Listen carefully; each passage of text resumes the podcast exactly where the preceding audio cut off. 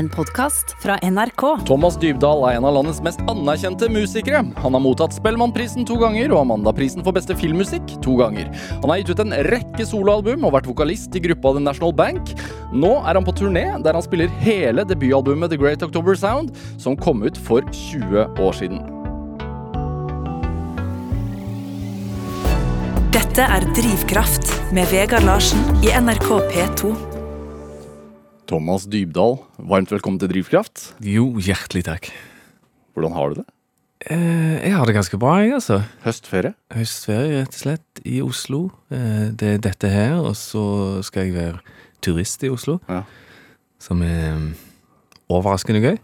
Også i oktober, da. Det Er ikke det årets, årets beste måned? Er det ikke det for en, for en, for en melankoliker? Jo. Jeg kan godt gå, kan godt gå inn i den materien, men eh, det var mange av de fotoshootsene rundt eh, 2002 og 2003 og 2004 som eh, ble styrt ganske hardt av de forskjellige mediene inn i skoger hvor det skulle drysse løv, og eh, det skulle gjerne stå en rødvinsflaske på bord. Altså, det var eh, Det var ikke bare min eh, vilje, akkurat dette, for å si det sånn. Men, men jeg skjønte jo fort at eh, det var den knaggen jeg ble hengt på. Ja. Og en trenger jo en knagg. Altså, jeg var jo heldig nok til å i det hele tatt liksom få, få en stemme der, så jeg, jeg gikk med på det, jeg. Ja, da omfavner, omfavner mannen? Ja, iallfall han skjønner på en måte at uh, det er enten det at de føler at de vet hvor de har deg, eller så får du ikke komme der, på en måte. Sånn. Nei. Det var ikke det Sånn musikken du spilte i utgangspunktet, altså før den debutplata, Mm. var litt lystigere. Jo, uh, var vel gjerne det. Jeg spilte jo Jeg var gitarist i et band som het Quadrophonics, som, uh, som var et eh, var et acid jazz-band på liksom Ja, slutten av 90-tallet. Um, så var jo selvfølgelig helt annen type musikk, og Men det var jo òg en musikk som jeg hørte mye på i den tiden, og hadde hørt mye på. Altså, dette var jo tiden med liksom uh, Brand New Heavies og Jamiroquai og ja Um, Det var ikke som om det var fremmed for meg, og jeg bare spilte i et band som jeg som jeg tilfeldigvis var blitt spurt om å spille i. Det var liksom, Jeg digget dette, men Ja, For de, de var et band, og så kom du inn? ja. Ja. Ja. Uh, ja. Nei, men så sakte, men sikkert så begynte jo på en måte jeg em, å skrive andre typer låter. Mm. Uh, for jeg hadde ikke skrevet så mye låter egentlig, og jeg skrev ikke noe særlig til dette bandet. Hvordan begynte du Altså, når du skulle begynne å skrive dine egne låter, du, da var du i slutten av tenårene eller noe sånt? Starten av ten, midten av tenårene? Nei, da tror jeg jeg var 15-16 når jeg begynte å skrive de. Ja. Ja, jeg spilte i et band med verdens verste tittel. Eh, altså, det var så selvhøytidelig. Eh, bandet het Deep. så kan du tenke deg de tekstene. Hvordan var de? Nei, du De var omtrent sånn som du ser for deg at de var. Eh, Har du en, har du en nei, vet du hva, jeg, jeg tror jeg har fortrengt det. Altså, tiden var jo utrolig gøy, og det var jo eh, Altså, det å spille i band som tenåring uansett var jo liksom det kuleste i hele verden. Hvem var du da? På den tiden? Jeg var vel egentlig Altså, jeg var jo en nerd på et vis. Altså, jeg hadde sittet gjerne i Jeg hadde sittet i kjelleren veldig lenge, kanskje litt for lenge, og liksom plukket eh, soloer og liksom lært meg å spille fort på gitar og Og hvorfor tok du den opp i utgangspunktet? Um, det var en venn av meg um, som het Nick, som var nabo, som amerikaner, som fikk uh, en veldig sånn kul uh, elektrisk gitar. Jeg husker det var en Kramer-gitar. Han fikk den gitaren og skulle liksom spille Metallica. Han var super Metallica-fan. Det var vi begge to, egentlig. Men uh, han fikk gitar og hadde absolutt null talent. Eh, en slags minus musikalitet, hvis du Eh, Men så fikk jeg låne den, og det viste seg at jeg hadde Jeg hadde jo noe der, på en måte. Det var liksom eh, Det var Ja, en sånn miks av å finne liksom noe som du Noe som du elsker, men òg har litt talent for. Mm. For det kan jo være en Altså, det kan jo være en ja, en forferdelig trist kjærlighetshistorie, det, er hvis du finner liksom noe som du elsker å holde på med, og så bare stinker du. Sånn eh, evig oppoverbakke. Um, Var det Sa- Sandnes dette her? det var i Sandnes, ja. Men nikk fra USA med elektrisk gitar, det høres kult ut. Ja, det var kult òg. Han ble ganske sur når, jeg, når det viste seg at jeg hadde et talent han ikke hadde. Men musikkinteressen var der, da, i bunnen. Absolutt. Jeg har alltid vært musikkinteressert og vokst opp i et hjem hvor det alltid var musikk. og det var liksom, Jeg kan ikke påberope meg noe sånn veldig sånn, kredi, sånn kredibel eh, musikkinteresse hjemme. Altså, det var det var hits, på en måte. Jeg har to eldre brødre. Jeg har en bror som er syv år eldre, og en som er ti år eldre. Som liksom eh, De var posterboys fra 80-tallet, på en måte. Hva vil det si? Så, det vil si alt fra Sabrina-plakater til liksom lysanlegg i kjellerstuen med anlegg og Men først og fremst, det var jo mye musikk, og mye av det var jo veldig kult òg. Altså, begge to var mega sånn Prince-fans, Ja. Og det ble jo jeg òg, da. Um, Attpåklatt, da, på et vis. Absolutt. Ja. Attpåklatt som elsket musikk, elsket å stå Ja, gjøre seg til skamme, holdt jeg på å si, når det var familieselskap og synge Michael Jackson og Prince og danse og Ja. Denne Dette deep Du må ikke henge deg opp i dette. Det er som jeg sa til deg før vi gikk her, vi er direkte, og samtalen tar oss dit den tar oss. Så det, vi vet ikke, du vet ikke hva det skal handle om. Så det, men er det starten av 20-årene, er det da man liksom begynner å gå, gå inn, grave seg ned i Altså fra liksom ganske sånn Prince og Michael Jackson til, Mm. til et uh, mer nedpå lydbilde, da. Ja. Er, hva, hvilket, hvilket alvor var det som slo deg?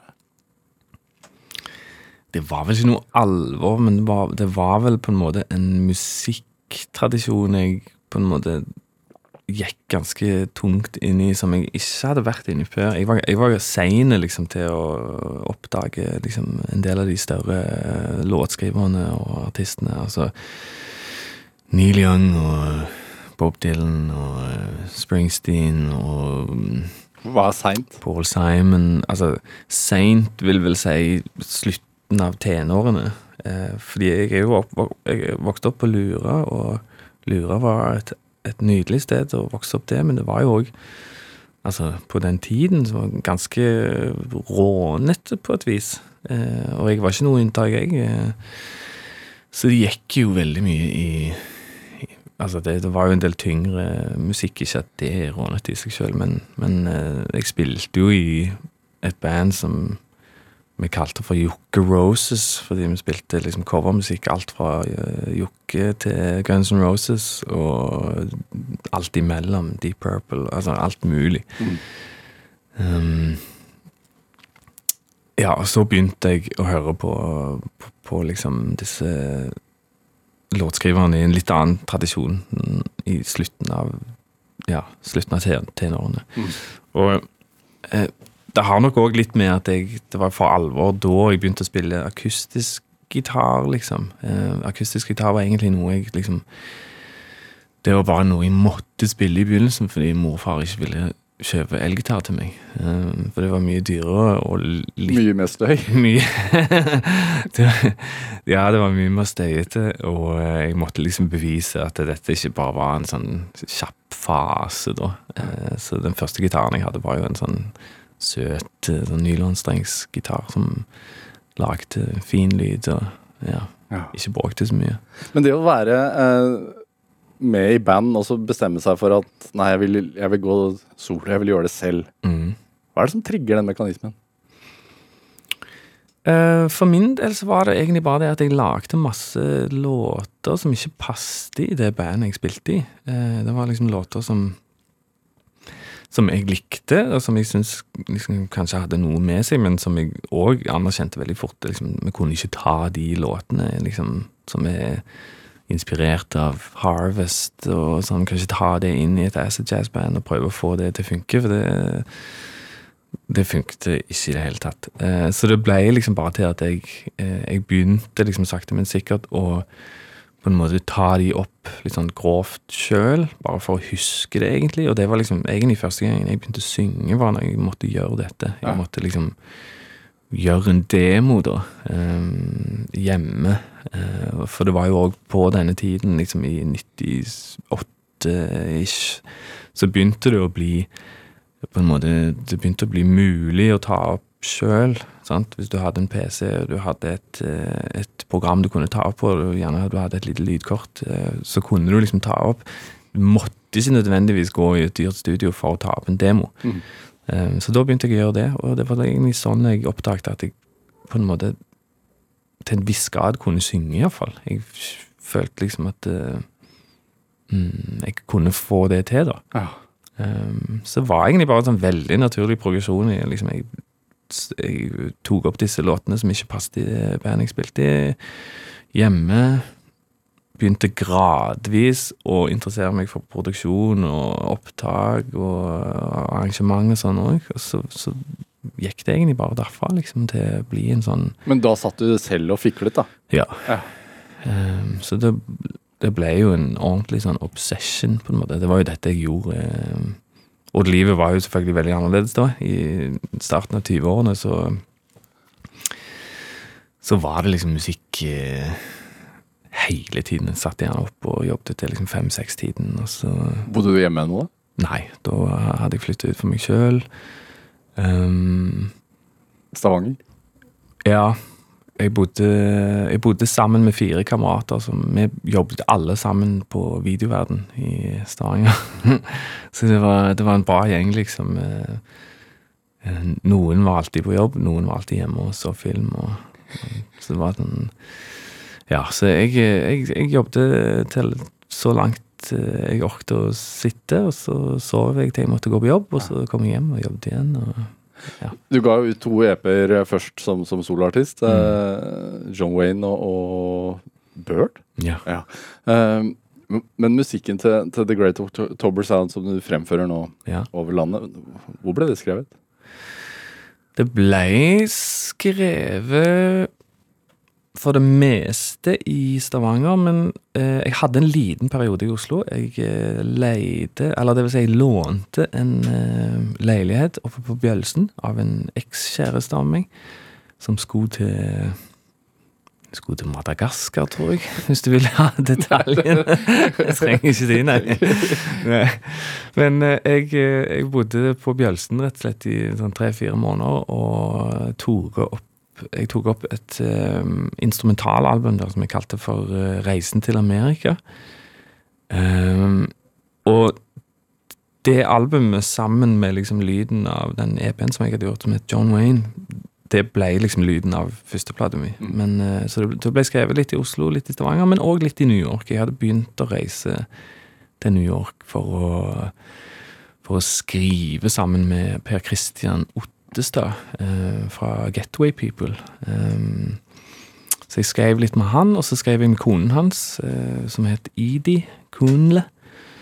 Og ja, meg og hun skrev eh, blant annet eh, Adelaide sammen, som er på den første platen. Eh, og vi fant liksom bare tonen helt sånn med en gang, egentlig. At vi tenkte veldig likt musikalsk. Eh, pluss at jeg elsket liksom musikkbiten av det. Jeg syns tekstbiten var forferdelig vanskelig. Eh, det syns jeg ennå. Mens for henne så var det helt motsatt. Hun syntes eh, musikk var vanskelig, mens tekst var veldig sånn, naturlig. Så da, da jobbet vi veldig, veldig, veldig fint sammen. Jeg tenkte vi skulle høre litt fra, fra låta From Grace, Mhm. eh, som jo ble en veldig, veldig stor hit. Ja, overraskende nok. Skal vi høre litt? Ja, kjør på.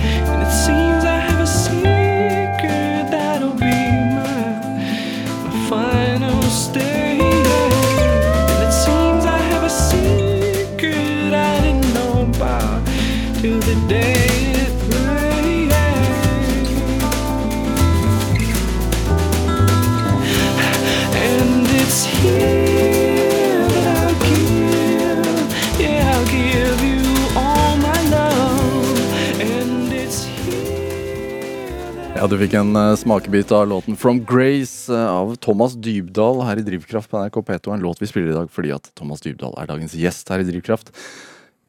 1. oktober 20, 2002. Du var 21 år gammel, eller sånn? Mm, ja. Ja. Jo, ja, jeg Plata vant Alarmprisen året etterpå, Spellemannsprisen. Ja, det var en um Det var en god start, la oss bare si det sånn. Hvor er det, når, når man eh, har sittet og liksom syslet med dette her på Først i kjellerstua hjemme, og så Mm. litt på I kollektivet, og så er det, hvor, sportsspørs, sportsspørsmål, men altså hvordan, hvordan oppleves det? Nå, nå har du perspektiv på det hele. Oi, shit. Uh, det opp...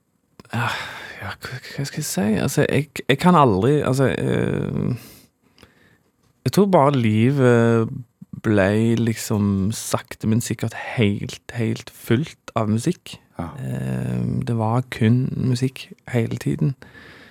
Eh, men jeg kan aldri huske at jeg hadde noen sånn Jeg kan ikke huske at jeg syntes det var liksom strevsomt, eller at det var mye jobb, eller Jeg så jo aldri sånn på det, liksom. Det var jo bare Ja. Plutselig så besto livet kun av musikk. Eh, og jeg, jeg har liksom snakket med min far. Eh, forteller meg at han satte meg ned liksom før jeg eh, slutta denne her eh, lukrative jobben min på videoverden.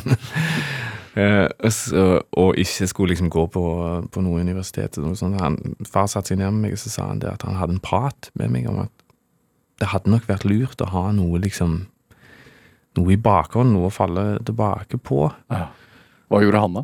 Uh, han gikk vel på Handelshøyskolen i Bergen, uh, og så uh, liksom gikk ut i arbeidslivet og gjorde alt mulig. Han var administrerende direktør på en teglverksfabrikk faktisk når jeg vokste opp. for det var mye av oppveksten min.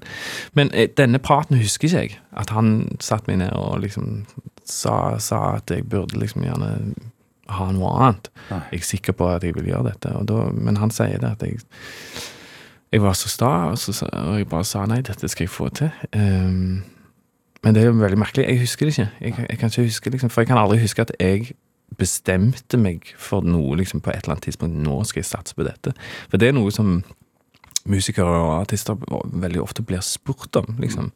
Sånn fra den andre siden her, liksom, Når jeg kommer i intervju, så er det veldig ofte sånn Ja, husker du det tidspunktet hvor du liksom bestemte deg for at nå skal jeg gi gassen, nå skal jeg satse alt på dette? Ja.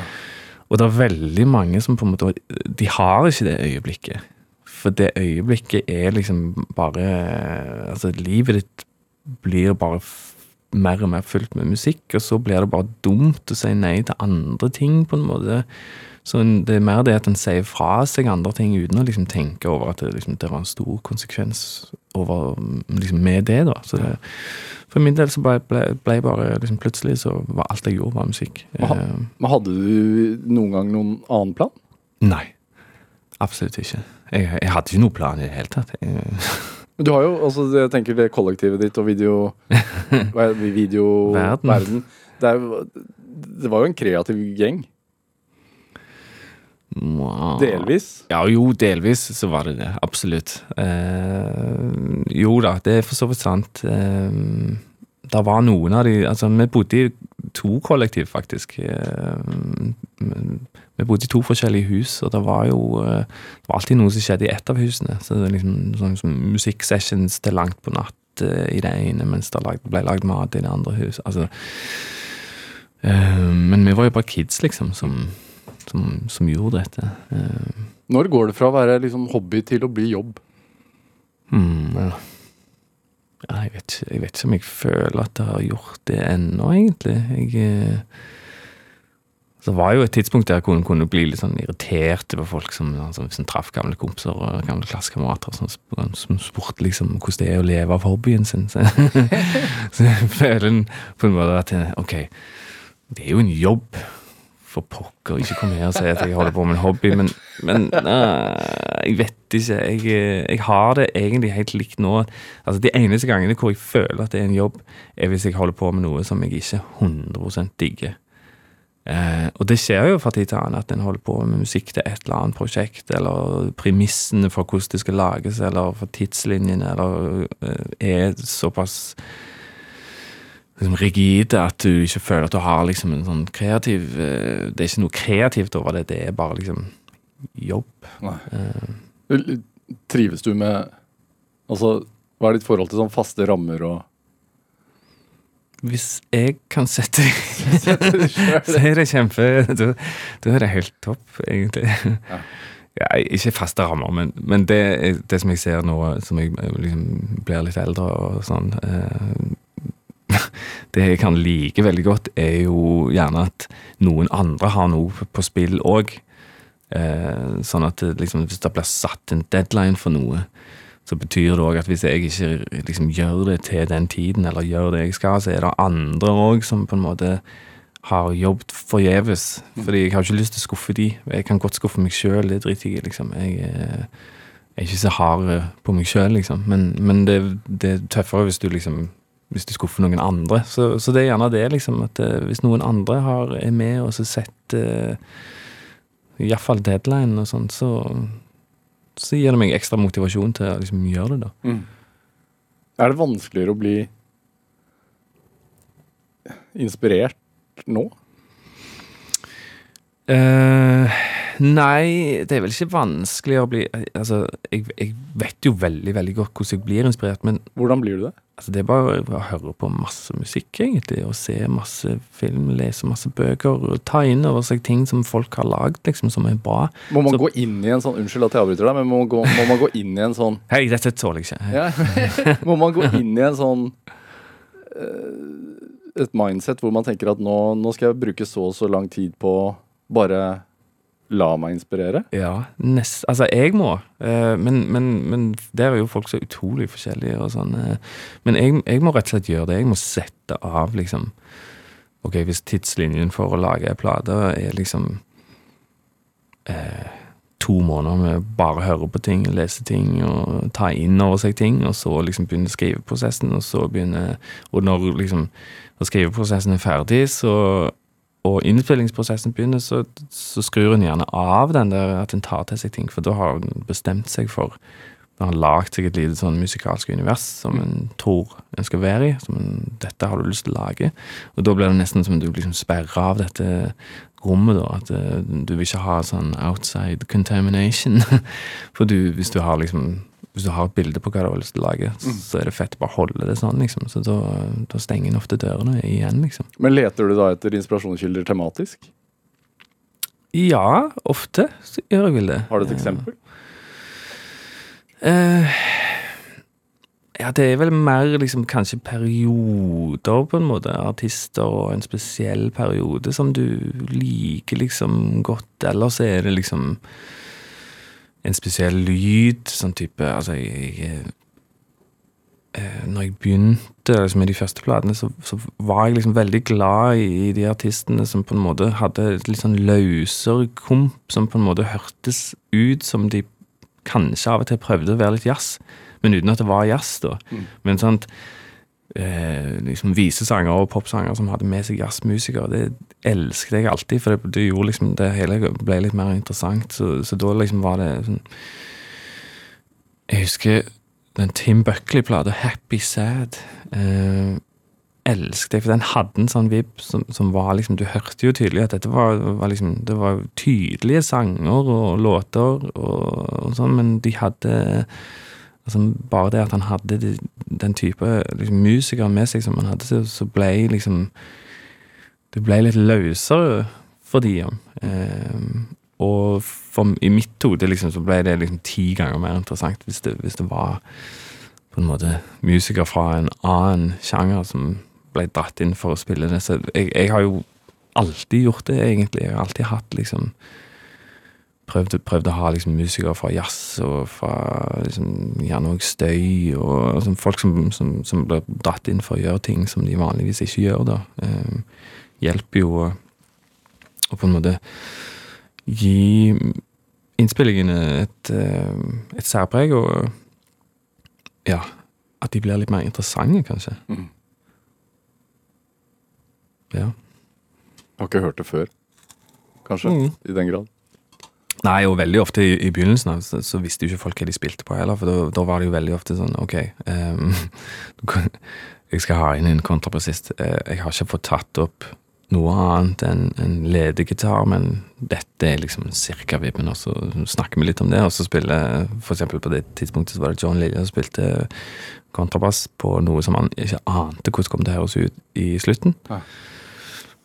Det kan du nesten høre, liksom, i at det er noe i bunnen der som er litt sånn Hm, hva skal dette bli? Hvorfor liker du det så godt? Jeg vet ikke. det Igjen, det gjør, gjør det litt mer åpent og søkende, tror jeg. Eh, ikke fullt så liksom Ja, rigid, og Du, jo, inspirasjon kommer jo fra mange steder. Eh, Du, du har jo gjort et samarbeid med, med kunstneren Sverre Bjertnæs, Ja. Eh, som også har vært i Drivkraft, eh, et program tidligere. Eh, hvordan kom det i stand?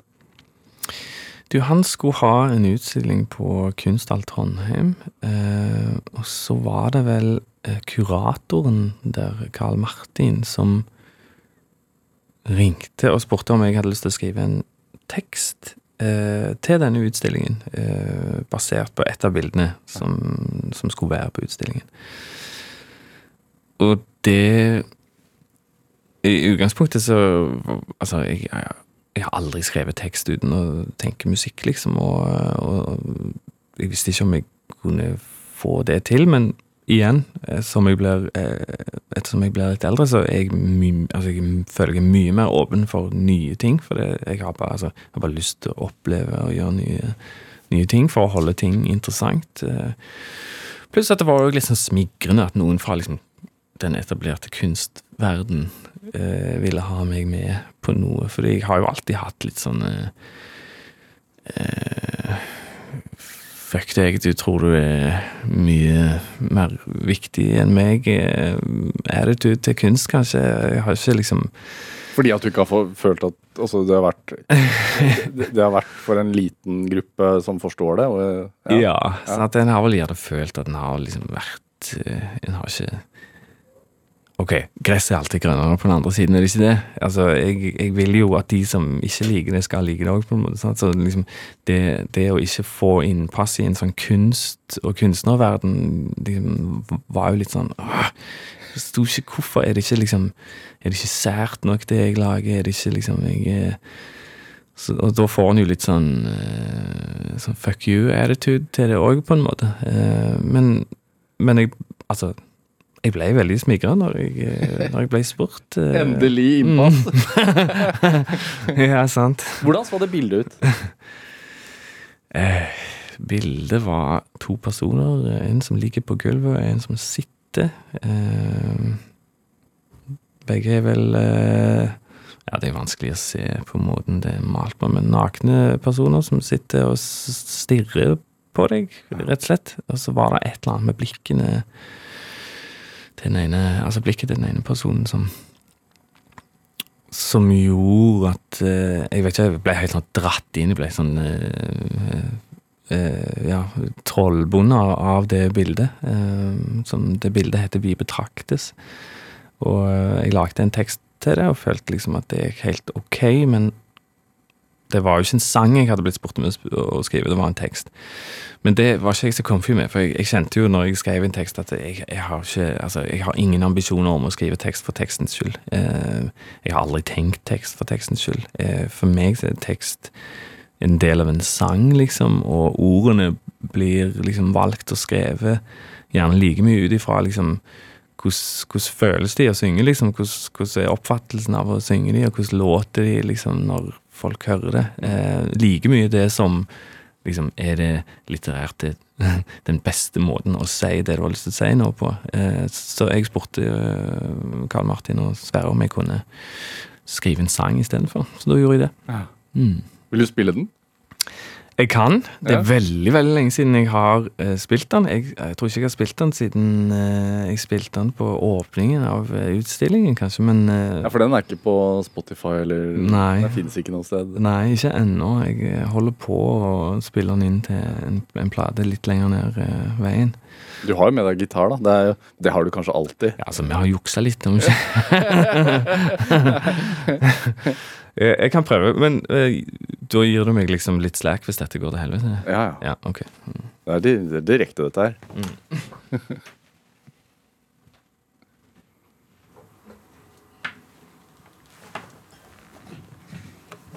Hva heter sangen? Eh, sangen heter Ghost to Ghost. Ok.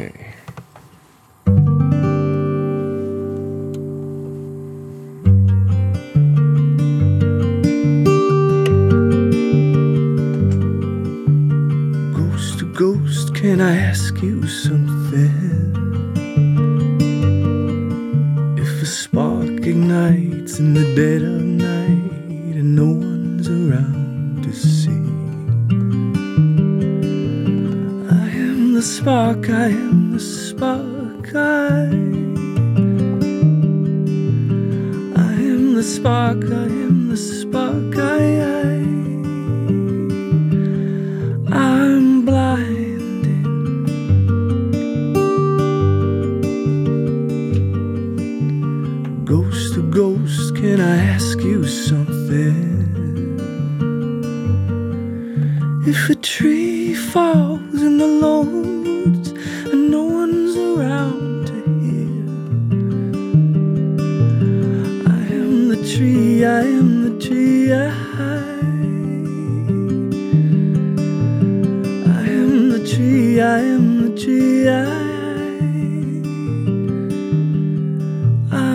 I'm deafening.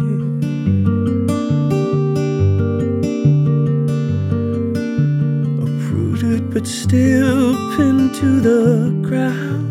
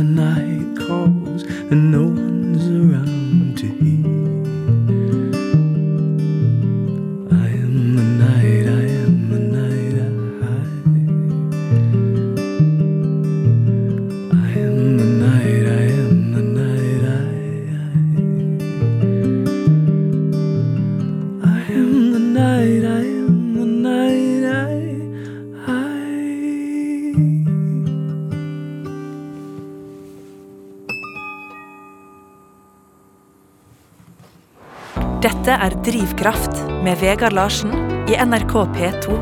Ja, du fikk akkurat eh, Thomas Dybdahl, eh, artist Thomas Dybdahl som fremførte låta Ghost to Ghost live her i Drivkraft med NRK P2.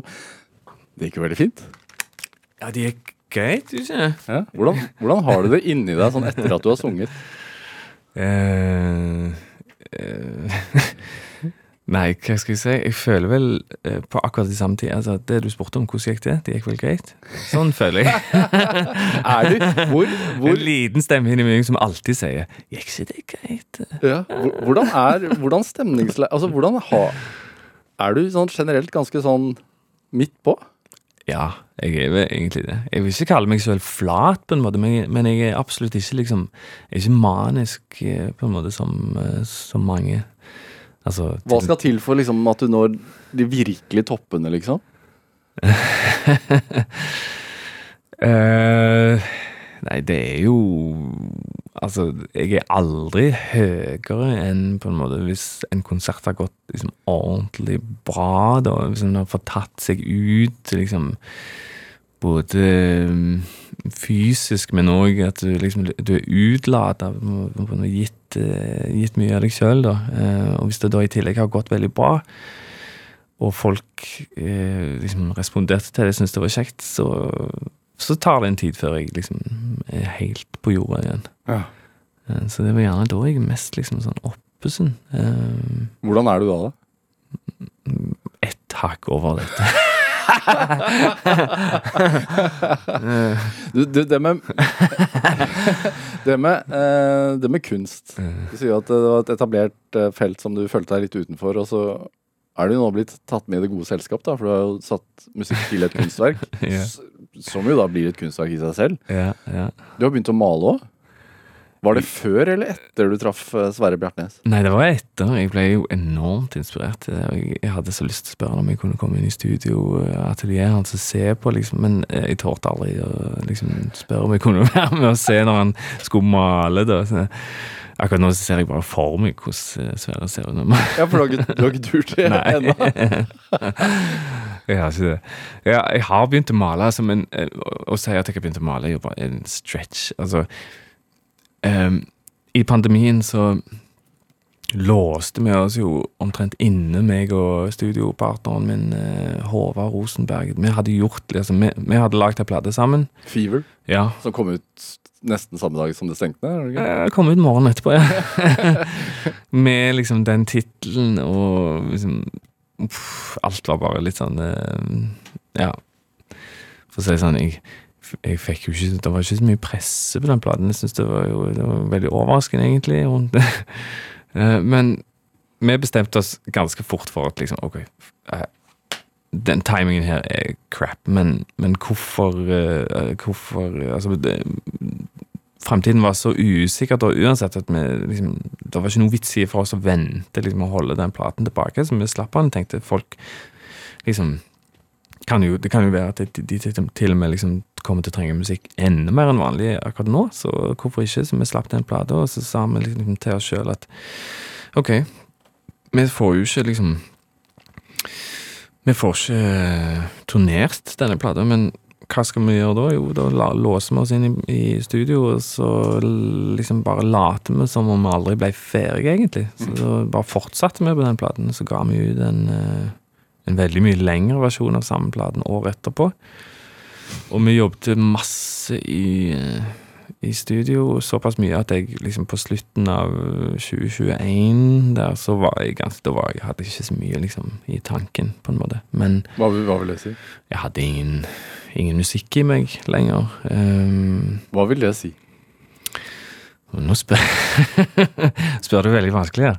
Det vil vel si at eh, Ok, um, hvordan skal jeg si dette her, da? Det er jo uh, Det er veldig vanskelig for Altså, musikk er dritvanskelig å snakke om, fordi uh, Ok, la oss si det sånn, da. Um, av og til så plukker en opp gitaren. uh, og så er det nesten som om liksom det er en sang inni der allerede, og så ligger han bare rett ut forbi strengene, nesten, og så er det bare å plukke den. Det er bare å hente den, på en måte. Det er bare å gjøre sånn som hodet og fingrene dine sier du skal gjøre, og så er det en sang der. Mens andre ganger så er det som du plukker liksom opp en gitar som har vært i fryseren, liksom. Eh, og det er ikke noe der. Du har ikke lyst til å ta på gitaren engang. Du har ikke lyst til å liksom eh, Ja, jeg vet ikke. Det, det, er liksom, det er ingenting der. Det er bare liksom Hvis jeg, hvis jeg begynner å lage musikk når, når jeg føler på det, når jeg føler, føler på den tomheten der, så, så, er, så blir det liksom Det blir kun håndverk, på en Ja. måte. Og håndverk er fint. Eh, det kan bli fint å høre på, alt sånt så det, men det mangler liksom noe bak. da. Det blir liksom eh, Det blir noe grunt og noe, noe uten dybde, syns jeg. Hvor, Eh, hvor tomt var det? Kjempetomt. Det var som å ta opp liksom et stykke kaldt stål. Ja. Hvis det Hvordan var det da for deg som Hadde du opplevd noe lignende? Ja, en opplever det jo fra tid til annen, men nå var det jo kanskje litt ekstra, liksom, i og med Altså, en var jo òg på et sted sånn mentalt hvor hvor en var litt nede, da. En, altså en hundre turneer på en måte som var blitt Ja. utsatt og eh, kansellert, og ting en hadde gledet seg til som gikk i vasken, og og de tingene kan en jo alltid leve med, og sånn som det, selvfølgelig, men det var vel mer det at en Altså, litt sånn som vi har vært borti jeg, jeg har ikke noe backup-plan, på en måte. Jeg har ikke Det er musikk jeg kan, og det er musikk jeg har liksom investert hele livet mitt i, egentlig. Eh, Så hvis det liksom plutselig jeg ikke kan livnære meg av musikk, så da er jo jeg i trøbbel, på en måte. Da tenkte du at ja, ja, folk kjøper jo bilder. Ja Der var det sånn. Nei. Nei, det var vel mer det at det var en måte å være kreativ på. Eh, på et nytt sett, da, på en måte. Altså, det var jeg, For jeg har jo, altså, en har jo gjerne kreativitet i kroppen fordi man ikke har en sang, liksom. En har ting som, som en eh, tenker på, og liksom former en ser for seg og sånn. Så for meg å begynne å male sånn, det var jo mer eh, en sånn nøds eh, På en måte eh, Det var en måte å få ut noe kreativitet. Eh, Hvor malte du?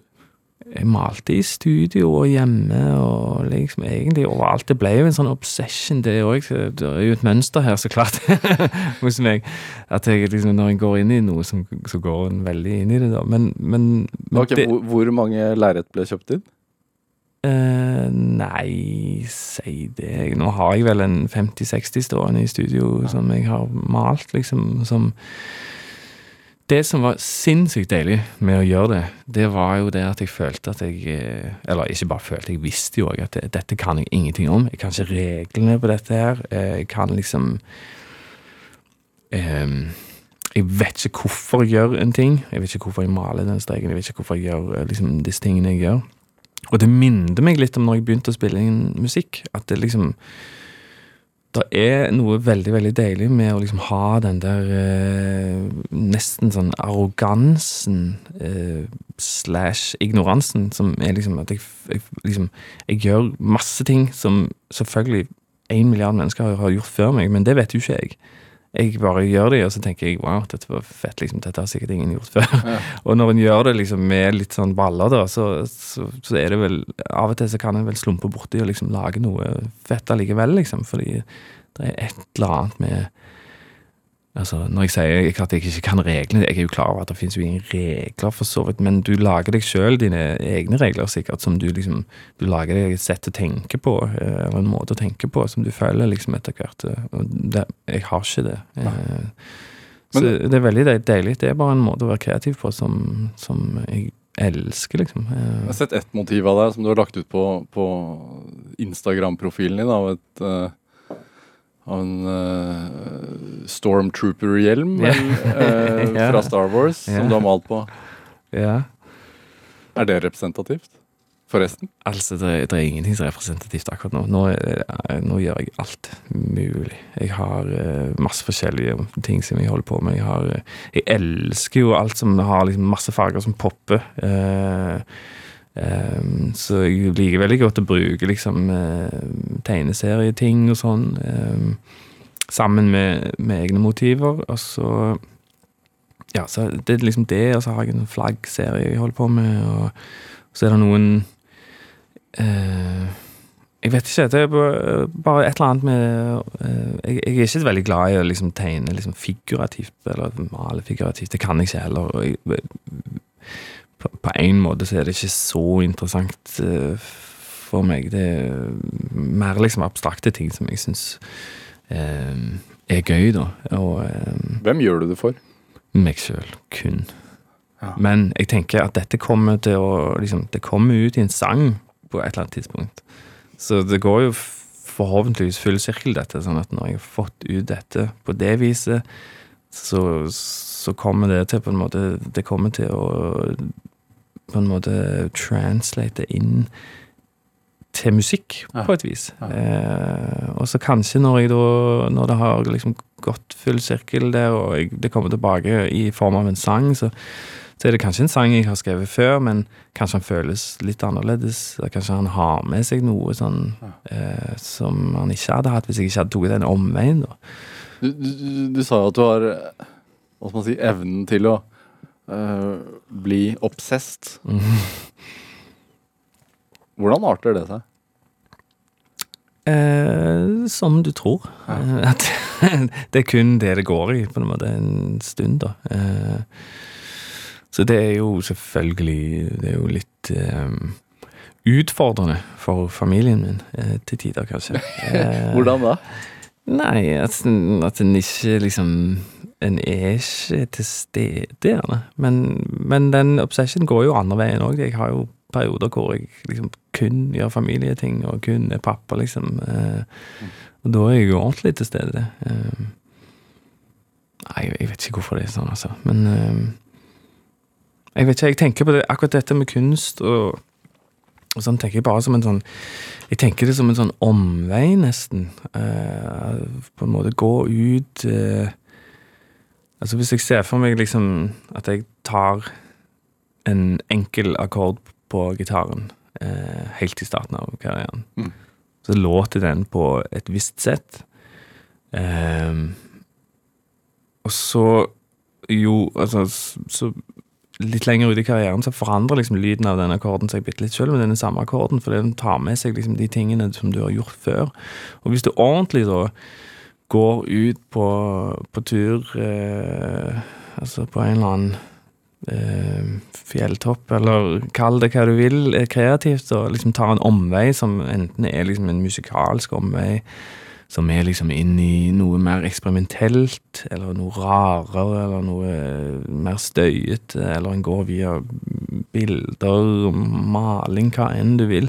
Så et eller annet med hvis du har vært på liksom Når jeg har vært på den turen og kommer tilbake, så tar jeg den samme akkorden en gang til. Mm.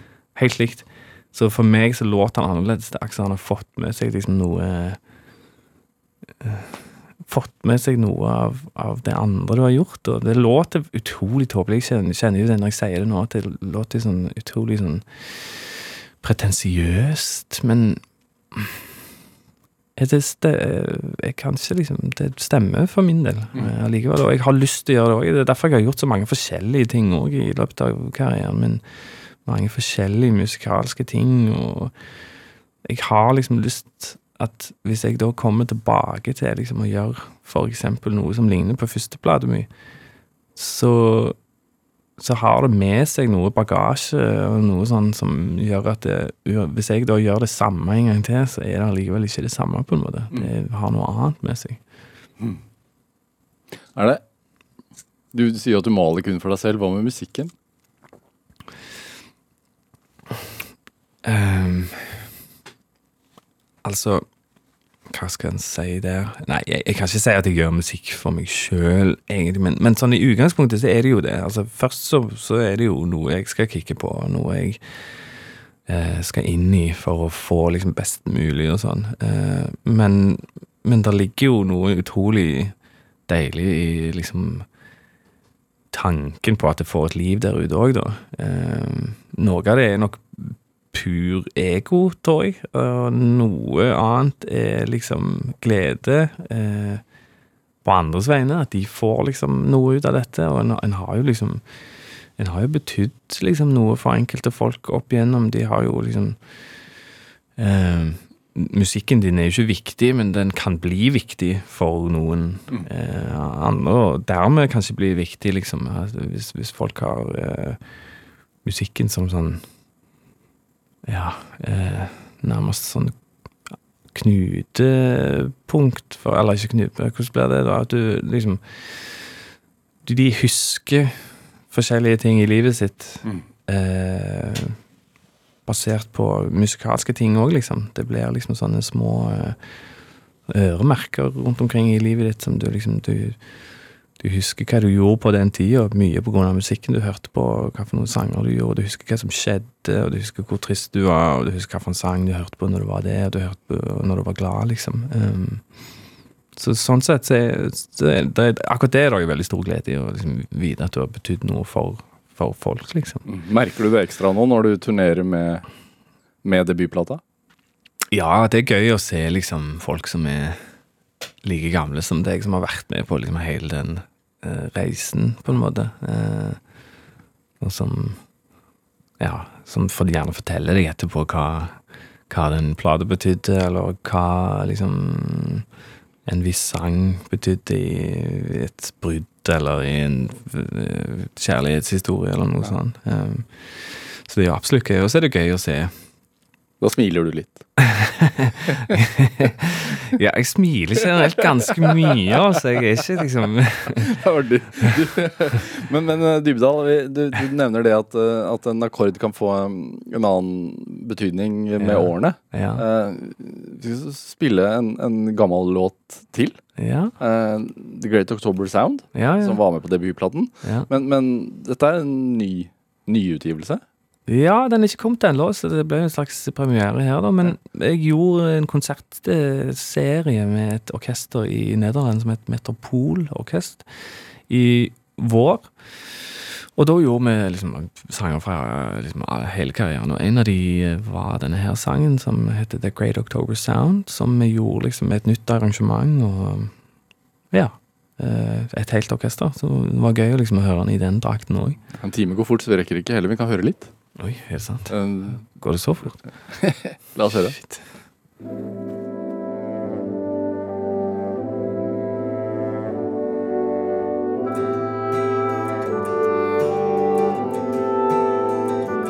operator. Never had a dream last for so long. You should have seen her. Sound of all to call home. Imitator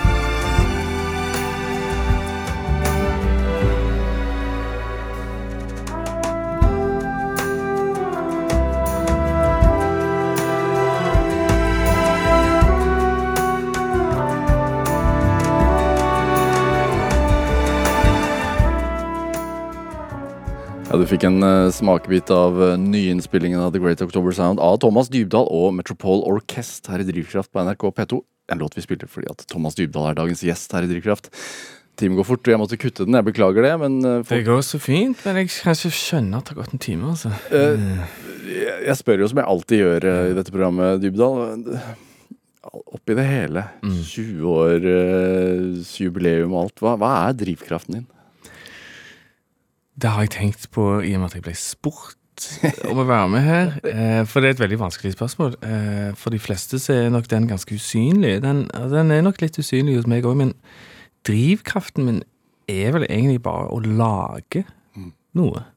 På en måte. Det er så enkelt. Eh, det går perioder hvor jeg ikke lager noe, hvor jeg ikke skaper noe.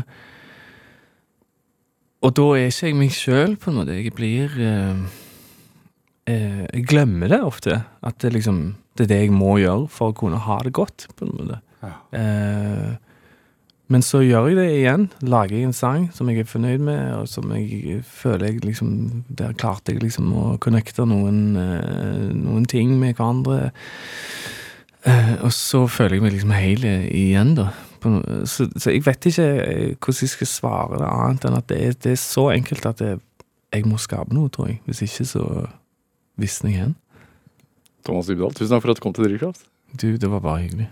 Høre flere samtaler i Drivkraft på nrk.no eller i appen eh, NRK Radio. Og så kan du gjerne sende oss en mail med ris eller ros, og også gjerne tips til mennesker som du mener har drivkraft. Send en e-post til drivkraft.krøllalfa.nrk.no. Vi hører veldig gjerne fra deg. Produsent og researcher i dag var Ellen Foss Sørensen.